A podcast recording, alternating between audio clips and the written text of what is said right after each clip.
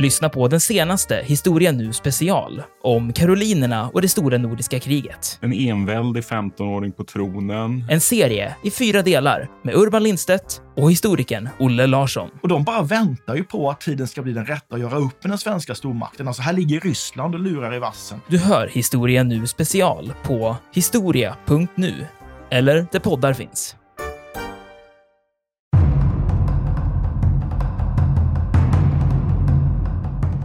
1961 till 68 pågår Operation Chrome Dome som helt enkelt innebär att man har ett stort antal B52 uppe i luften samtidigt och de har en, tre olika områden egentligen som de cirkulerar kring. Eh, Alaska, det är eh, Grönland och det är norra Kanada. Och under den här, och då ska de bara cirkulera upp i luften så att var tolfte minut så ska man då tillfälle att köra in eh, i Sovjetunionens luftområde i princip med, med ett sånt här plan.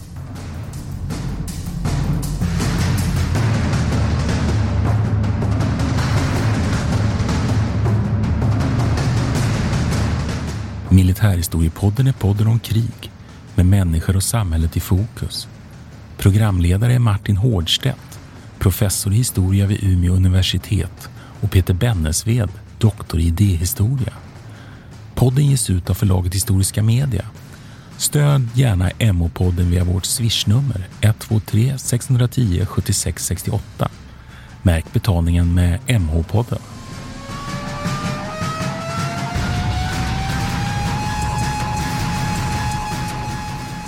Välkommen till Militärhistoriepodden. Det här är Peter Bennesved. Och det här är Martin Nordstedt. Jag tänkte vi ska inleda med att prata lite om känslor, Martin. Det jag har jag längtat efter. Jag har ja, väntat. Både du och jag är väldigt känsliga människor, jag vet ju det. Ja. För att vi kanske, kanske att det, jag tänker mig att det, att det ser ut som att vi har ett hårt yttre. åtminstone vill jag att det ska tänka så, men jag tror inte att det är så egentligen. Jag upprätthåller fasaden. Ja, precis. Men min fråga till dig då är, vad, hur, vad känner du när du tänker på en B52? Ja, eh, det, en B52 är ju, är ju så oerhört starkt förknippat för mig med, med kalla kriget. Måste jag säga. Det är ju ja, nästan en ser, symbol för kalla kriget. Ja. Alltså, jag är ju inte liksom född i Jag är född 86, så jag kan inte, säga, jag kan inte riktigt ta anspråk på den där kalla krigshistorien eh, riktigt mer än det jag har läst mig till. Men för mig är det lite samma, den symboliserar den där perioden på något, på något vis. Ja. Och kanske också Vietnamkriget faktiskt. För mig var det, var det mycket Dr. Strangelove. Jag tänkte vi ska prata lite mer om den sen. Ja. Men jag kommer ihåg som, som student, och man ville liksom ta del av eh, 60-70-talets filmkultur så var ju Dr. Strangelove liksom den stora filmen. Och där ja. förekommer ju B52 mycket. Ja, det gör ju det. Och en väldigt galen person. Dr. Strangelove.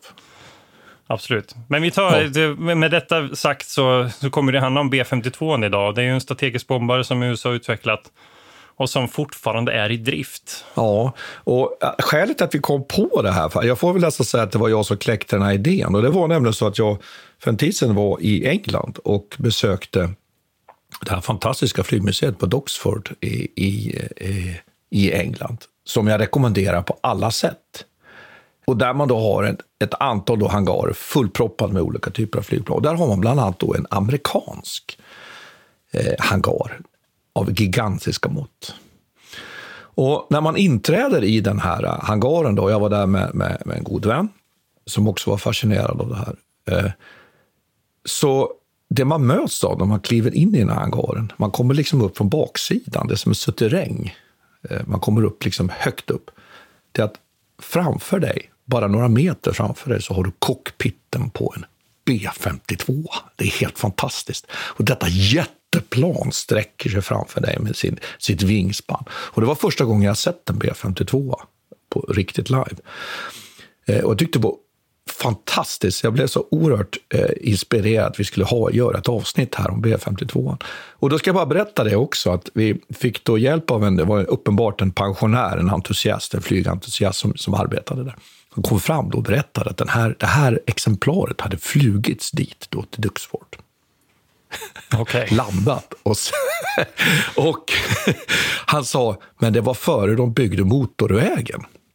Och då förstod ju vi vad han menar med det, för det är ju så stort det där planet, så det är ju största som har landat där. Och då var det ju för övrigt en historiskt en, en viktig flygbas då, som har, sträcker sig tillbaka till tiden, framförallt till andra världskriget. Då. Och jag tyckte det var så rolig hans kommentar. Men det var förr, de byggde motorvägen, för motorvägen gick nu liksom eh, tvärs över södra ändan av det här flygfältet. Och då, det han menade var att det går inte att få ner ett sånt här stort plan idag då, när motorvägen finns där. Så det är orsaken då, men vi måste väl börja lite med att prata ja, men det, om... Men kan du inte, innan vi sätter igång, kan du inte liksom för, för att ge lyssnarna någon slags eh, referenspunkt, alltså hur stort är det? Ja, men det är enormt. Ja. Ja, du tänker på... Spa... Ja, men det det känns lite oprecist. liksom- ja. Nej, men det, det, det är ju nästan uppåt 50 meter långt, planet.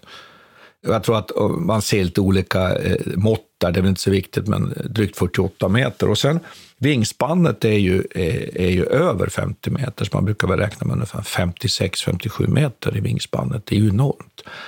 Sen är det ju inte det största planet, för vi, vi kanske vi kommer att nämna lite sen, det fanns ju föregångare som var, var större, men det är ju ändå ett gigantiskt flygplan. Och sex eh, motorer, va? Åtta. Åtta. Åtta Just det, i par. jetmotorer i par. Det. Eh, och naturligtvis en, en enorm kapacitet att lyfta in bomblaster. Och, och, och, vi kan ju inte nu, vi, ska inte, vi lovar nu alla lyssnare att vi ska inte exercera alla olika varianter Nej, men alltså, av det här precis. planet. Jag vill Men- säga det också som, är 32 varningens ord till lyssnarna, att det är ju jättesvårt också att liksom ta till sig hela den här eh, flygplanslingot. Jag förstår att många Jo. kommer säkert bli stötta, när man, för man förstår inte riktigt vad det är man pratar om. Speciellt, alltså jag har undanhållit mig från att kommentera på själva designen allt för mycket, för att den, den innehåller så mycket diskussioner om olika typ flygtekniker, olika sätt att landa och olika flygegenskaper som är tydligen väldigt bra med det här planet. Då, men varierat lite över tid. Men det är, liksom, ja, det är väldigt svårt att förstå. Jo, men det, det jag skulle nämna där eh, är att man, kan, man har alltså en, en möjlighet att lasta ända upp till 30, alltså över 30 ton bomber. Och jämför man då med de här stora Flying Fortress och så vidare från andra världskriget så är det ju väldigt mycket mer, ska vi komma ihåg. Då. Så att eh, det är ett gigantiskt flygplan och eh, jag, jag är liksom nästan lite barnsligt tagen av att få det här i famnen när jag kommer in på det här museet. Då. Many of us have those stubborn pounds that seem impossible to lose, no matter how good we eat or how hard we work out. My solution is PlushCare. PlushCare is a leading telehealth provider with doctors who are there for you day and night to partner with you in your weight loss journey. They can prescribe FDA-approved weight loss medications like Wagovi and Zepbound for those who qualify. Plus, they accept most insurance plans. To get started, visit plushcare.com slash weight loss. That's plushcare.com slash weight loss. Here's a cool fact a crocodile can't stick out its tongue. Another cool fact you can get short term health insurance for a month or just under a year in some states. United Healthcare short term insurance plans are designed for people who are between jobs, coming off their parents' plan, or turning a side hustle into a full time gig. Underwritten by Golden Rule Insurance Company, they offer flexible, budget friendly coverage with access to a nationwide network of doctors and hospitals. Get more cool facts about United Healthcare short term plans at uh1.com. Planning for your next trip? Elevate your travel style with Quince. Quince has all the jet setting essentials you'll want for your next getaway, like European linen, premium luggage options, buttery soft Italian leather bags, and so much more. And is all priced at 50 to 80% less than similar brands. Plus, Quince only works with factories that use safe and ethical manufacturing practices. Pack your bags with high-quality essentials you'll be wearing for vacations to come with Quince. Go to quince.com slash pack for free shipping and 365-day returns. Vad är bakgrunden till att Ja, man utvecklar precis. det här planet? Vi börjar med Curtis LeMay tycker jag. Det är Ja. han som beställer det här. Och han är ju då chef för, för SAC, Strategic Air Force Command. Ja, Eh, och även tidigare, innan det bildades, var USAF. Och han är en tongivande figur där. Och han vill USAF beställa som står för, för eh, US Air Force. ja, precis. Eh, och ehm, han vill eh, utveckla ett nytt strategiskt bombplan. Och det här, är, det här börjar beställas, 1947 eller 48 börjar man på den här designen. Eh, som ska bli då B52. Eh, och det finns en liten känd episod då, att man, det tog ganska lång tid innan man utvecklade den modellen som man ville ha. Att Man har tidigare också beställt ett plan som heter B47 som också var en jetmotorsdriven strategisk bombare som också hade den här pilvingesformen som var lite nytt under den här tiden. Ja, för det, för det är ju en av diskussionerna, eller hur? Va? Ja, ja, men precis. Det är några saker som är nya Ja. med det här planet som man får komma ihåg. Dels är det den här pilvingesformen som inte, som de flesta eh, flygplan under andra världskriget har ju raka vingar, som bara, bara står rakt ut. Och sen är det propellerplan i stor utsträckning. Det är bara först mot slutet som man börjar eh, använda sig av jetmotorer. Så det här är de första, nu pratar vi om de första egentligen strategiska bombplanen som har jetmotorer överhuvudtaget. Och det här ses under den här tiden som en ganska prematur typ av teknik och det finns vissa tveksamheter. Man har ju också gjort en annan modell som vi pratade om precis innan här som har sån turboprop. Kan inte du förklara vad det var för någonting, Martin? Ja, alltså det är den här, den här, jag tycker det är så roligt B36an. namn. Här B36an, Peacemaker, tycker man är ett lite intressant Ja. namn. Men den, by, den byggdes av ett annat företag, för det var ju Boeing som fick den här B52 sen så småningom. Men Convair byggde ju den här, den här eh, B36 som på sitt sätt också är en otroligt fascinerande plan. Det var större. Det var betydligt, det, betydligt större, ska jag inte säga, men det var större än B52 faktiskt. Och den hade alltså motorer riktade bakåt, då, eh, propellermotorer. Då.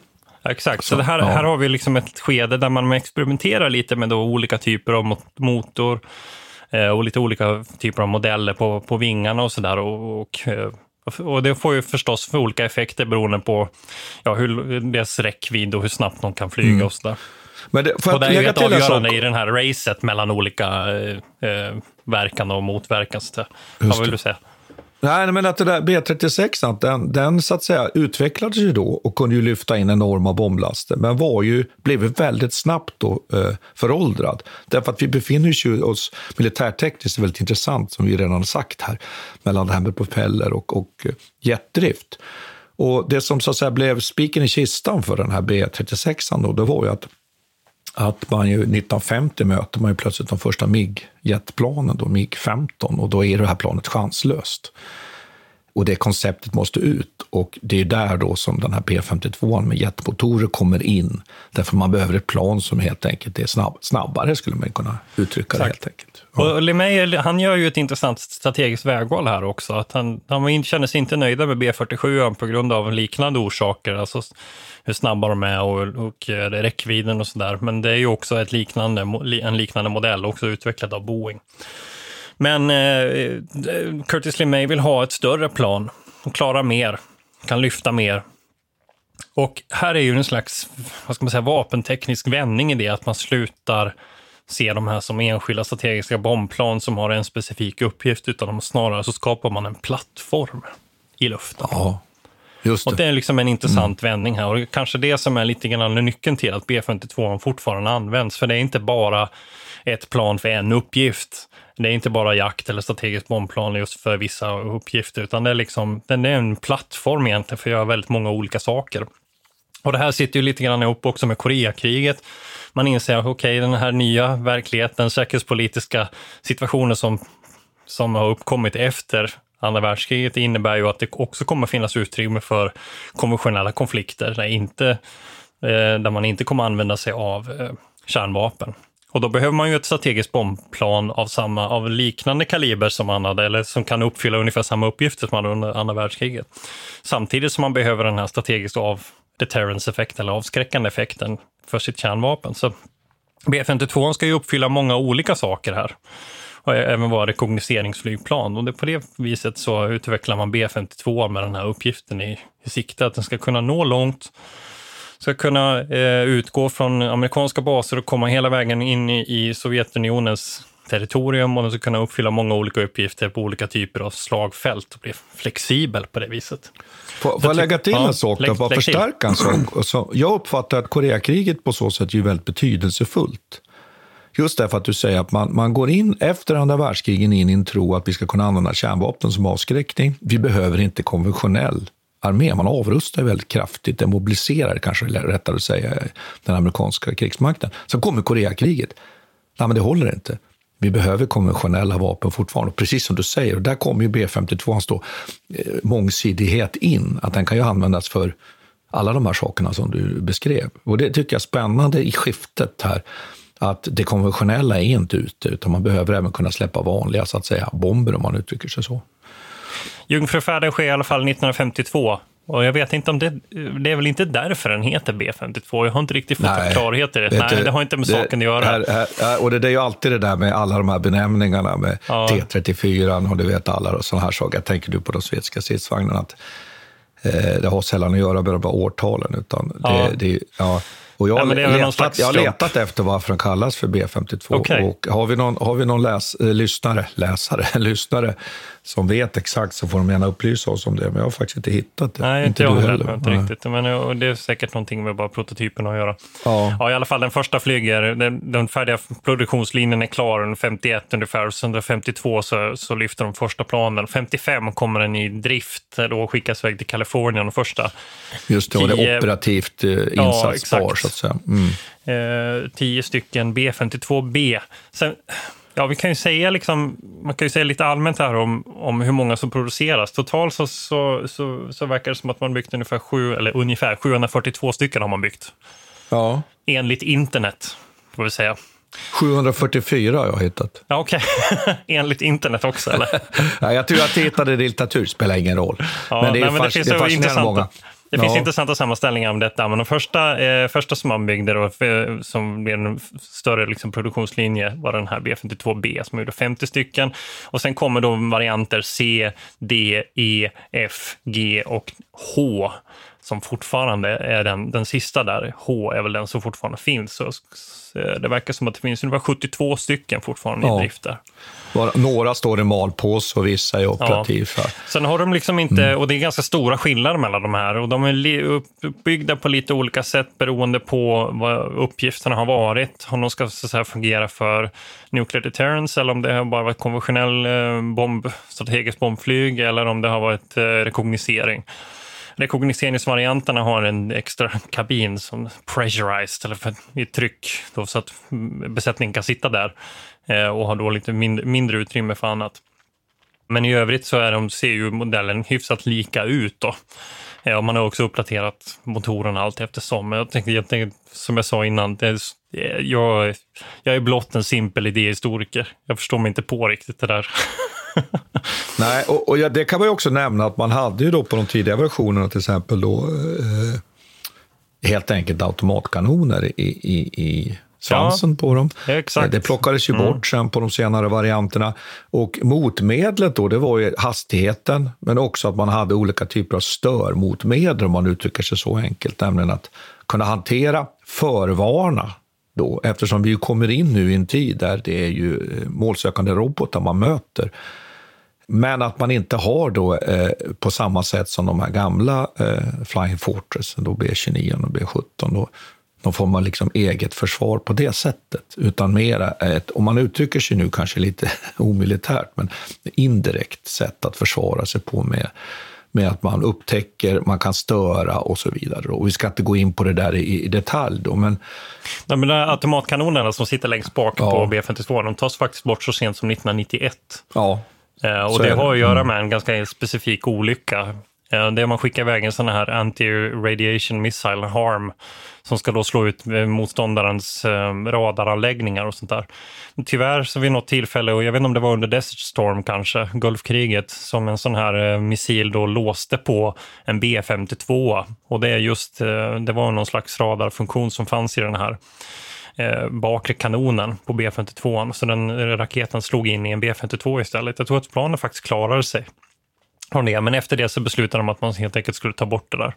Så efter det så har man övergått till andra sätt att försvara sig, precis som du säger. Men ja, man kan nämna där bara nu när vi är inne på det där då, att, att eh, det finns då diskussioner om att man ju med de här automatkanonerna faktiskt skjuter ner eh, då blir det nordvietnamesiska, läs sovjetiska stridsflygplan under Vietnamkriget. Och Just liksom just det. räknar att man har då liksom en, en luftseger med de här. Och det där kan vi diskutera då ändå. Ja. Det är ju bara en lite perifer och ganska ointressant sak Ja, egentligen i precis. sammanhanget. Det- Men, men det är spännande i alla fall att Men efter, det är eftersom den har funnits så under så lång tid Ja. så förekommer det väldigt mycket sådana historier. Det finns ju en, också en sån här spännande historia av en, en general där i Kalifornien som fick de första eh, B52 som ska ha kört ut med sin jeep och så, så här, hjälpt en B52 landa när det främre däcket inte fällde ut vid en landning. Så det finns mycket, jag vet inte hur Det, sant det kändes lite Dr. Strangelove Ja, över det där faktiskt. Det låter helt vansinnigt Ja, faktiskt. Jag vet inte. Ja. Jag skulle vilja se källorna på det där. Men Man skulle det, vilja pröva det där lite. Ja, men det finns väldigt mycket sådana historier om B52. Men det har väl att göra med att det har funnits under så lång tid.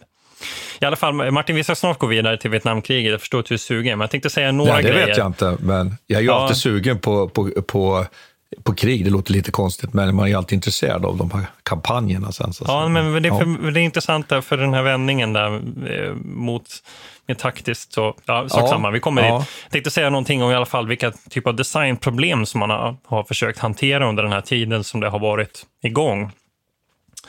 Och några eh, typiska problem så är ju bland annat livslängden på de här. De ska ju flyga under väldigt lång tid så att man har försökt uppdatera den här designen för att det ska klara all den stress som, som den utsätts för under väldigt många flygtimmar och olika uppgifter. Eh, det finns också ett enormt tekniskt system i bakgrunden som jag tycker är oerhört fascinerande. Alltså 1963 så har man då 38 olika baser runt om i världen som ska kunna hantera B52. Och eftersom den är så stor och så enorm så utsätter den också för alla landningsbanor för väldigt mycket tryck och stress. Alltså, Och och så måste man bredda allting. Eh, Och du måste också ha in väldigt mycket resurser av olika slag. Så den, det- B52 är liksom inte bara ett flygplan, det är ett enormt globalt system egentligen som ska fungera samtidigt. Och besättningen, det är en ganska stor besättning och det är mycket service runt omkring. Det har också eh, utvecklat väldigt mycket det här med land, eh, vad ska jag säga, tankningen, tankningssystemet. Eh, och man har bytt ut de här kapslarna i vingarna under olika skeden och så för att liksom, eh, öka utrymmet för bränsle. Också problem inne i kabinen. Det är ett tydligt känt problem med B52, besättningen, att piloterna har det väldigt varmt. Medan de som sitter längre in i så att säga, magen har det oftast väldigt kallt för de sitter nära golvet eller så undersidan. Så man har haft eh, väldigt mycket problem med det här att skapa en, en, en okej miljö inne i, i, i de här planen.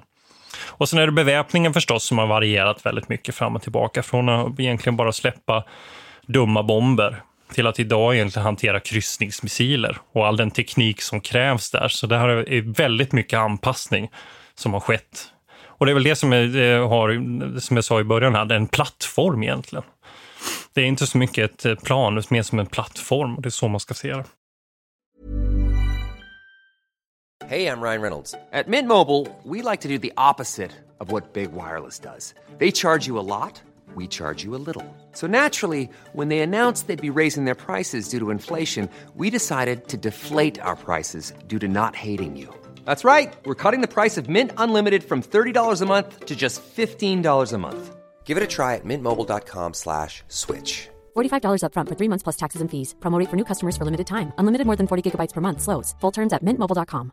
There's never been a faster or easier way to start your weight loss journey than with PlushCare.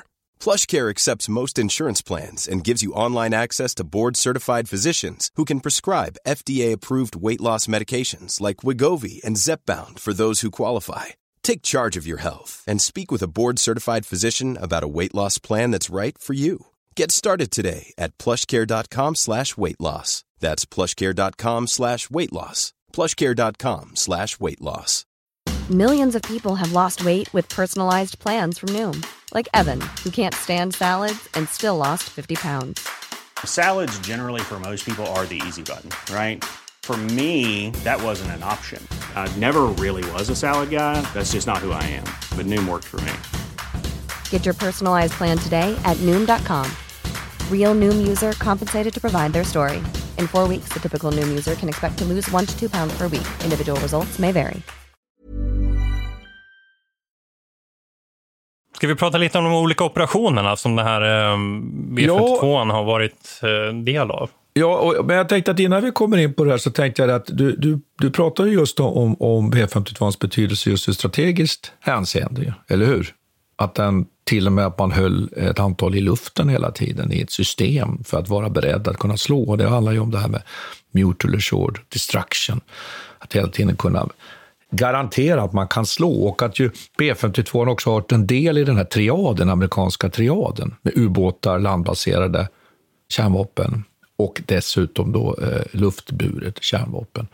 Så det tycker jag också man kan nämna. Så B52 har ju verkligen haft en väldigt tung strategisk betydelse under en period, men att den där betydelsen då minskar omkring 1960 det som förändrar då B52 eh, så väldigt kraftigt påverkar den, det är att Sovjet börjar utveckla luftvärnsmissiler som kan plocka bort den här typen av hot. Då. särskilt då relativt långsamt flygande stora bombplan som ju B52 ändå är. Det är svårare att ta ett jaktplan. Och då är det den här U2-incidenten 1960 som får stor betydelse. Och då börjar man fundera på lite annan användning för B52, att man då istället eh, låter den flyga lågt. Och det tycker jag är lite spännande, den här förändrade taktiska användning. Man tänker sig att man använder att ta, den, ta sig in över sovjetiskt territorium lågt för att komma undan radarn. Då. Men ändå är det ju så, och det är ju lite då motsägelsefullt då, att man ju då under, som, som vi ska prata lite om nu, då, Vietnamkriget ju använder den också för, för höghöjdsbombning. Och samtidigt använder man den för faktiskt också taktisk bombning för första gången. Att man helt enkelt understödjer egentligen, kanske inte direkt, eh, någon sån här close air support. Det är ju kanske svårt med så stort plan, men att man använder den taktiskt i under Vietnamkriget. Och det, det förstärker ju bara det här som du har sagt, att det här är ju en plattform som kan användas till väldigt mycket olika saker. Mm. Men du, nu fick jag en idé när du pratar här. Eh, Då blir jag orolig. läst någonstans. Ja, men som kanske, jag funderar på det, för att det här med Chrome Dome och de här eh, operationerna, de planen är uppe i luften hela tiden med, med kärnvapen. Eh, 24-7, jag vet inte, vi skulle behöva en utvikning om det också, men det pågår ju innan Vietnamkriget. Det sätts igång redan i mitten av 50-talet. Men, och då undrar jag, eh, det man lär sig där, är det, det måste ju vara så att det, det för man ju över då i Vietnamkriget, för där använder man ju B-52 som så att säga patrullerande och sen ringer man in luftunderstöd, så man kan få väldigt snabbt luftunderstöd på marken. Det måste ju ja. vara liksom en direkt koppling där mellan å ena sidan jag vet inte, det skulle vara intressant att läsa om det där. För, för det måste ju vara att man så här, överför en, en strategi från som en slags strategisk avskräckning till en faktisk taktisk användning. Ja, jag, eh, jag skulle nog säga att det ja. inte riktigt fungerar så, därför att B52 används ju nog framförallt ändå för strategiska bombningar i någon mening, kan man ju säga. Framförallt är det ju för att försöka stoppa inte minst då 1972 sen då den här nordvietnamesiska offensiven mot, mot Sydvietnam och, och också att, att eh, helt enkelt eh, rensa upp i den här eh, demarkationszonen mellan Nordvietnam och Sydvietnam och framförallt då det som ju sen kallas för julbombningar, man systematiskt bomba kring Hanoi då för att uppnå vissa strategiska mål. Då. Men jag tror att det här det som kallas för close air support, alltså taktiskt understöd av marktrupp, där använder man andra typer av, av stridsflygplan. Så B52. Ja, men, men däremot, jag har fått intrycket av att man använder B52 ganska mycket i början i alla fall på ett det taktiskt plan. Ja, och att men man, att man sen ändrade det. det. Ja, och det tror, så jag tror nog att man kan säga så här att man använder B52 för att bomba specifika platser. Man försöker vid flera tillfällen då, där man då vet att här finns det nu ansamlade koncentrationer av motståndare, det vill säga gerilla eller nordvietnamesisk eh, reguljär trupp faktiskt. Det var ju två motståndare man egentligen hade. Man i Sydafrika. Nu är vi egentligen inne på Vietnamkriget. så vi kan låta det vara där. Men då använde man B52 som du säger att bomba. För problemet var ju att det är väldigt svårt att med det här planet egentligen bomba precis. Det är så. Och eh, det är kanske bara hälften av bomberna som egentligen träffar där man egentligen vill att de ska göra. Och att liksom använda bombmatta då. Men de används ändå, man skulle kunna säga då, på något sorts mellanting mellan någon form av taktisk och strategisk nivå, någon sorts operativ nivå då ändå under Vietnamkrig. Och det är ganska intressant. Sen blir det då mera systematiskt och, och vi, vi behöver inte gå in på allting kring Vietnamkriget, men det som ju sätter stopp för användandet av B52 fullt ut, det var ju en enorm naturligtvis kapacitet i B52 att bomba sönder och samman allting. Man hade ju kunnat radera ut hela Hanoi om man hade velat göra det, men det kan man ju inte på grund av politiska skäl. Och vi, vi vet ju både att Johnston-administrationen och sen senare Nixon-administrationen ja. är bunden. Men Tack och lov för det, men, men de fick ju lida ändå. Alltså på, på ett sätt är det kanske en liten, jag vet inte om man kan kalla det underskattad del av Vietnamkriget, men det finns ju en väldigt tydlig röd linje mellan den typen av strategisk bombning man gör i Europa 1943 till 45 och det sättet man hanterar Vietnam faktiskt. Ja, alltså, och, då menar du att man bombar inte systematiskt städer ja, ganska, på det sättet? Liksom, ja, det är, det är ganska hänsynslöst bombande ändå. Och Även tänker du under andra världskriget eller i Vietnam? Ja, båda i två. Både i Vietnam och Men Då skulle jag vilja faktiskt säga så här att, ja. att eh, det är stor skillnad ändå. Nu är det ju så här att man släpper ju mer bomber faktiskt i Vietnam än vad man gör under andra världskriget. Men det är ändå så att man bombar ju inte systematiskt. Då hade man ju, som jag säger, utplånat Hanoi med B52 om man hade velat. Sen är det ju så att man bombar ju naturligtvis och, och dödar mängder av civila, absolut. Men det är ju ändå ett rest, man har rest, så kraftiga restriktioner på grund av politiska skäl.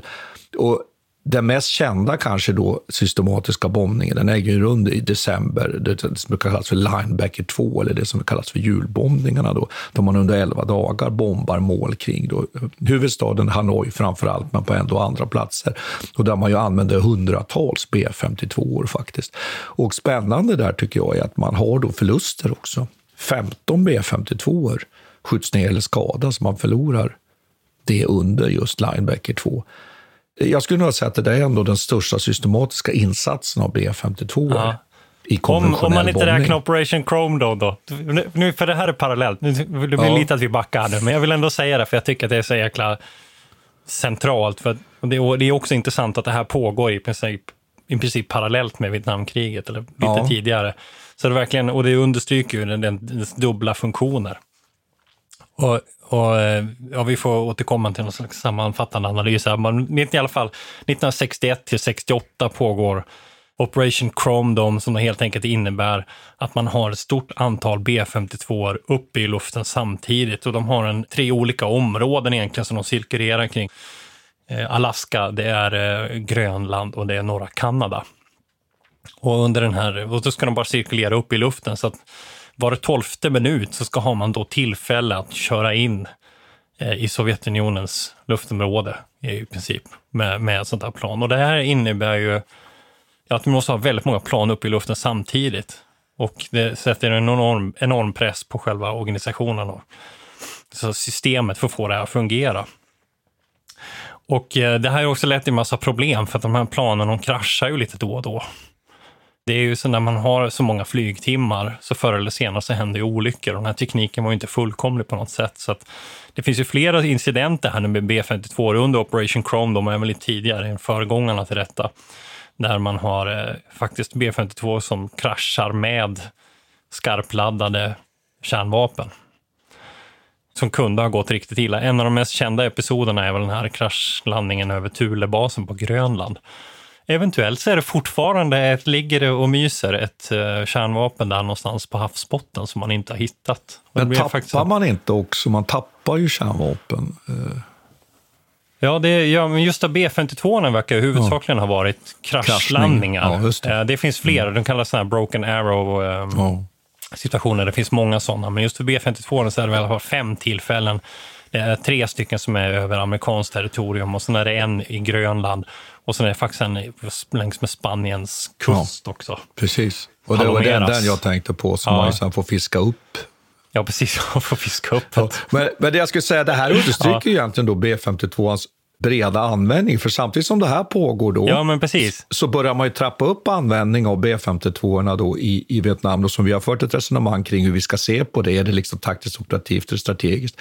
Och sen sätter man in då omkring 200 B52 har man ju operativa då tillgängliga för att kunna insatser i Vietnamkriget då 1972 då med den här julbombningen. Eh, så det är ganska fascinerande hur det här planets mångsidighet, men också Verkligen. att man har då förluster därför att man möter motvapen då. Det är liksom en ny tid. Så att man är inte helt, och det, det kan jag nämna där, att man pratar väldigt mycket om när man gör de här, man gör ju flera naturligtvis flygräder mot Hanoi, det är ett stort antal. Och där man diskuterar om att få ner tiden man befinner sig liksom i killing zone, så att säga, för de här luftvärnsrobotarna. Och istället för att flyga in i tre vågor efter varandra på, på led så här, då börjar man istället flyga in från olika håll och kanske i två vågor istället. Och minska tiden då. Eh, man räknar ut det där väldigt matematiskt, att man går ner från 30 minuter till 20 minuter bara i den här killing zone. Ah, då får man färre förluster. För det hinner inte luftvärnssystemen med. Och att man även, vilket jag tror otroligt fascinerande, man kommer in på olika höjd. Vilket ju kräver ju enorm samordning så att man inte släpper bomblaster på dem som är under. Och dessutom vinner man också på att komma in i färre vågor. Nämligen att man kan ha, ha mycket bättre eh, jaktunderstöd, alltså, eller eh, skydd, jaktskydd, när man då, eh, mot eh, nordvietnamesiska eh, slash sovjetiska då, stridsflygplan. Så det tycker jag också är fascinerande hur man, man lär sig att liksom ändra sin taktik då för att få ner förlusterna. Men jag tror att om vi lämnar Vietnamkriget, som kanske ändå är den största användningen då, du, du får ju fram här att kanske den där operationen du nämner är, är ju, den är ju enorm också. Men ja, det är ju den, är det, men det, är det som är på något vis eh, symbolen för där B52 blir liksom symbolen för kalla krigets kärnvapenrustning. Och det är också den där episoden som skildras i, i filmen Dr. Strangelove då med de här planen. Och jag tycker också att det var intressant där du sa den här skillnaden mellan eh, när man inser att eh, sovjetiska luftvärnsrobotar kan börja slå ner de här högflygande. Det, det, finns ju faktiskt med i Dr. Strangelove där, för där är ju de, de planen som, det sista planet där som, som inte nås av nyheten att de ska avbryta operationen. Ja, det, man, släpper, ja. man släpper ju en bomb över, någon, över sovjetiskt territorium. Han är, de flyger så här lågt, bara på några hundra meters höjd egentligen. Eh, och så, så den, där, den där episoden skildras ju, ju där. Och, och tycker är intressant. Har man inte sett Doctor Strangelove så borde man göra det omgående.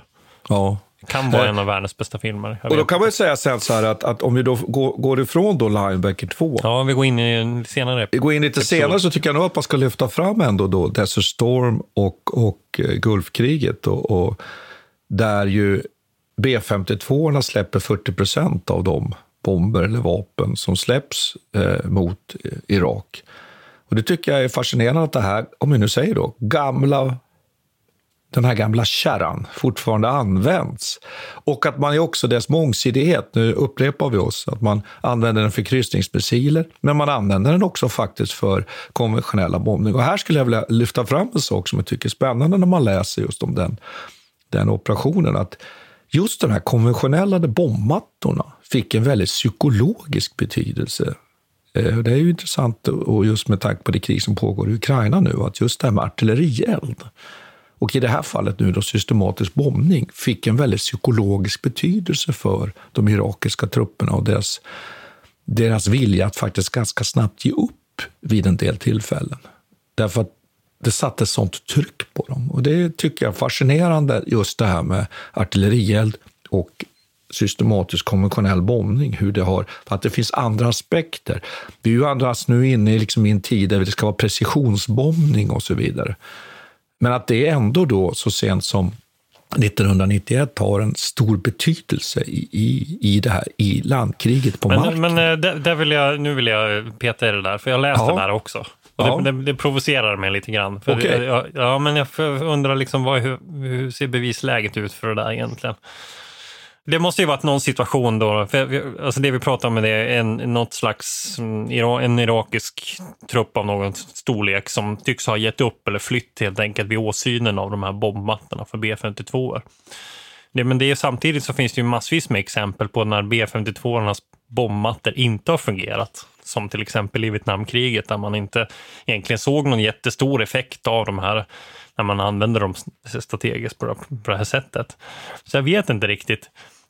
Ja, okej, okay, det påminner kanske om den här typen av tung artillerield. Men även här ser man ju att, det har vi många exempel på idag, hur ukrainska soldater klarar av den pressen och på något vis ändå motstår motståndarna. Så jag undrar, var det verkligen B52 och deras bombmatta? Eller är det nej, en slags efterkonstruktion? Nej, nej. det, det, var, det, det luktar lite efterkonstruktion tycker nej, jag. Nej, det var inte så jag menar. Utan det, det, jag ja. tycker ändå att det är intressant att konventionell bombning med en så gammalt plan, om vi uttrycker sig så, B52, med en form av liksom bomb, bombmattor ändå kunde liksom ha effekt på mark. Sen är det klart att kriget i Irak avgörs av andra saker. Och det går ju också att konstatera att mycket som, precis som du är inne på, att, att den där bombningen är ganska ineffektiv också i många hänseenden. Stora ammunitionsinsatser för liten effekt. Men att man ändå använder B52 så sent och att de är en viktig del av krigföringen, eller framförallt förbekämpningen. Men det blir väl också så, om man har investerat så mycket i de här planen, jag tycker att det är en viktig aspekt av dem också, att okej, okay, de används fortfarande. Det lyfts ju fram hela tiden och som vi sa innan så det är ju fortfarande 72 stycken i drift vad det verkar, enligt internet. Eh, och det finns exempel på när de flyttades ju fram så sent som i januari 2022 flyttades de fram till brittiska baser som en del av avskräckningen gentemot Ryssland. Och, och så. Men, men eh, Samtidigt så blir det ju också en slags path dependency som man pratar om så här teknikhistoriska eh, kretsar. Att ja, men har man tekniken då måste man ju använda den också. Så det är inte alltid en fråga om att den kanske är så himla effektiv. Utan det, det kanske skulle vara bättre att så börja om och börja med en annan typ av flygplan. Men nu har man den och investerat så mycket energi. Också symboliken, det kulturella, politiska värdet av den är ju enormt. Eh, jag kan tänka mig att det måste vara jättestort även inom, alltså inom USA ur någon slags militärpolitiskt perspektiv. Eh, så jag kan tänka mig att det blir svårt att liksom avveckla den helt, som på något vis varit eh, som en symbol för amerikansk förmåga till power projection, som det heter på fin, finspråk. Nej, men så behöver det inte vara så komplicerat heller. Det är ju väldigt dyrt att, att utveckla ett sånt här typ av vapen mm. vapenplattform som B52. Och om man då har den som du säger, då fortsätter man ju att förbättra den så mycket som möjligt, se till att den fungerar. Det är väl inte svårare än så. Och man börjar kanske inte bygga ett strategiskt tungt bombflygplan nytt idag, utan då, då är det ju bättre istället att utveckla det man ju har gjort. Bombplan med ställteknik till exempel, som kan lyfta in eh, precisionsmålsökande robotar i den liksom nya krigföringens eh, anda, så att säga. Då och så behåller man den här. Men det är ju ändå fascinerande att man ju också har använt B52 under Afghanistan-kampanjerna.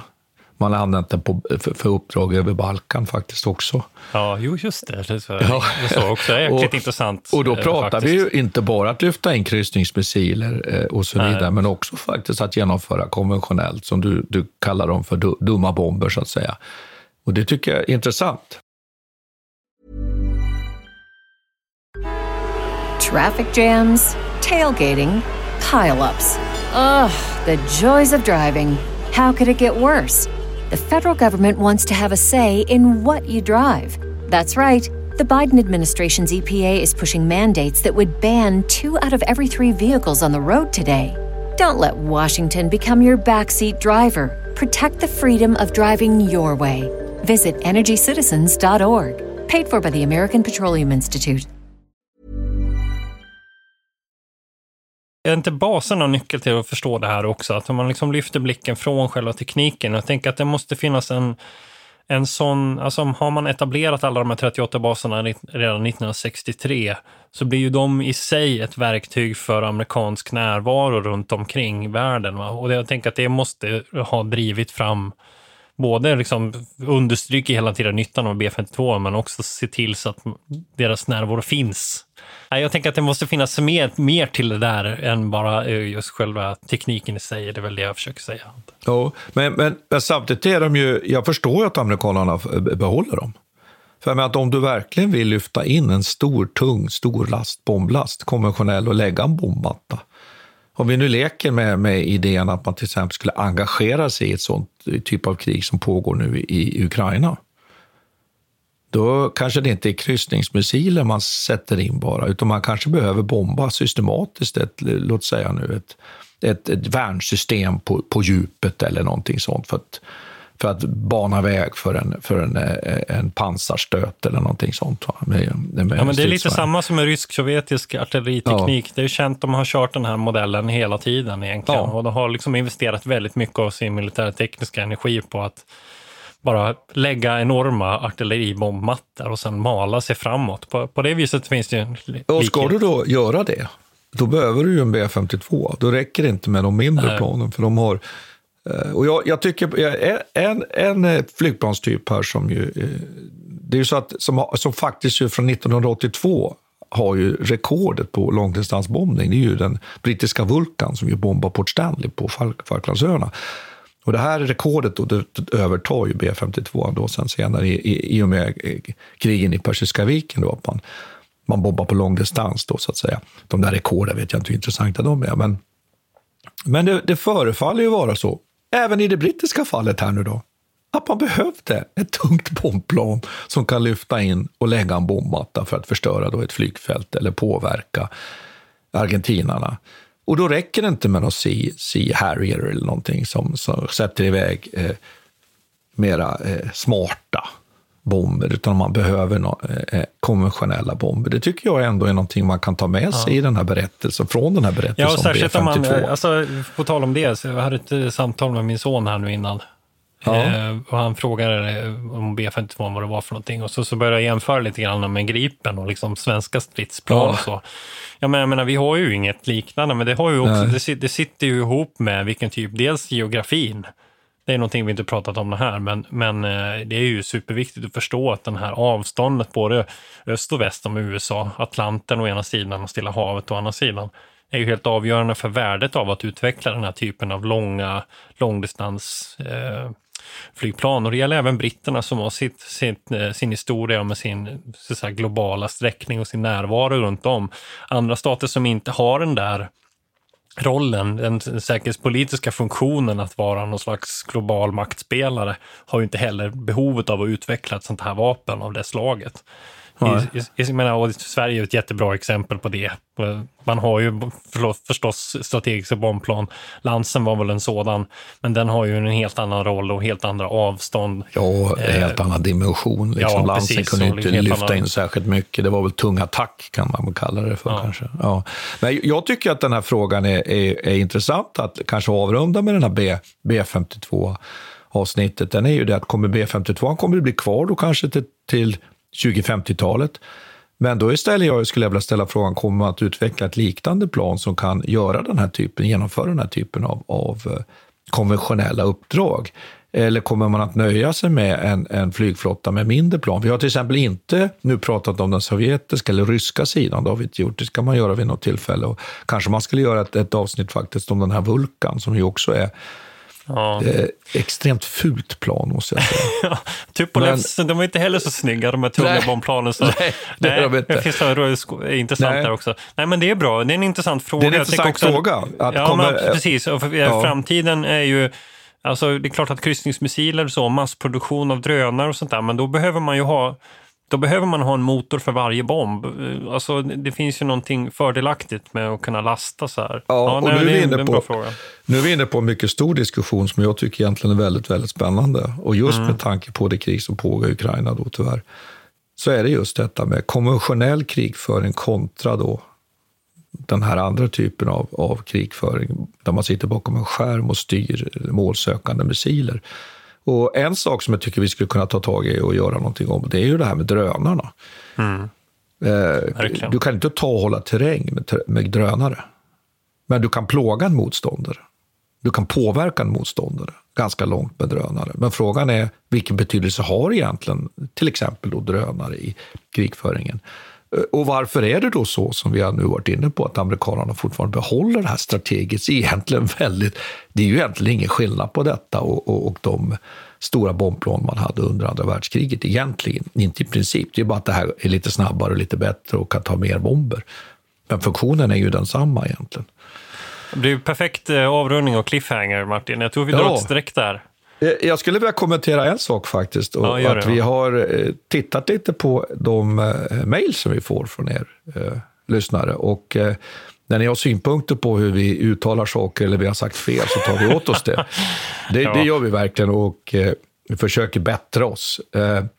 vi har faktiskt ett avsnitt som kommer att komma därför att, därför att flera lyssnare har efterfrågat det. Och det är ju den här jättespännande tyska attacken på Eben Emael i andra världskrigets eh, inledning. Så det avsnittet kommer så småningom här och det har vi fångat upp från era eh, eh, eh, förslag. Så fortsätt att skicka förslag så ska vi försöka lyfta och fortsätt in kritisera våra uttal. Det, eh, ja, och allt annat. Vi kan inte alltid göra oss skyldiga till fel. Ja, ja men så, så är det. Ni får, ni får stå ut med det. Vi är, vi är ofullkomliga människor. Så är det. Men okej, okay. ska vi säga tack ska vi ha då, helt enkelt? Tack ska vi ha. Vi tackar Peter Bennesved och Martin Hårdstedt. Kontakta gärna Militärhistoriepodden via mejl på militarhistoriepodden historia.nu. Peter och Martin vill gärna få in synpunkter och förslag till programidéer.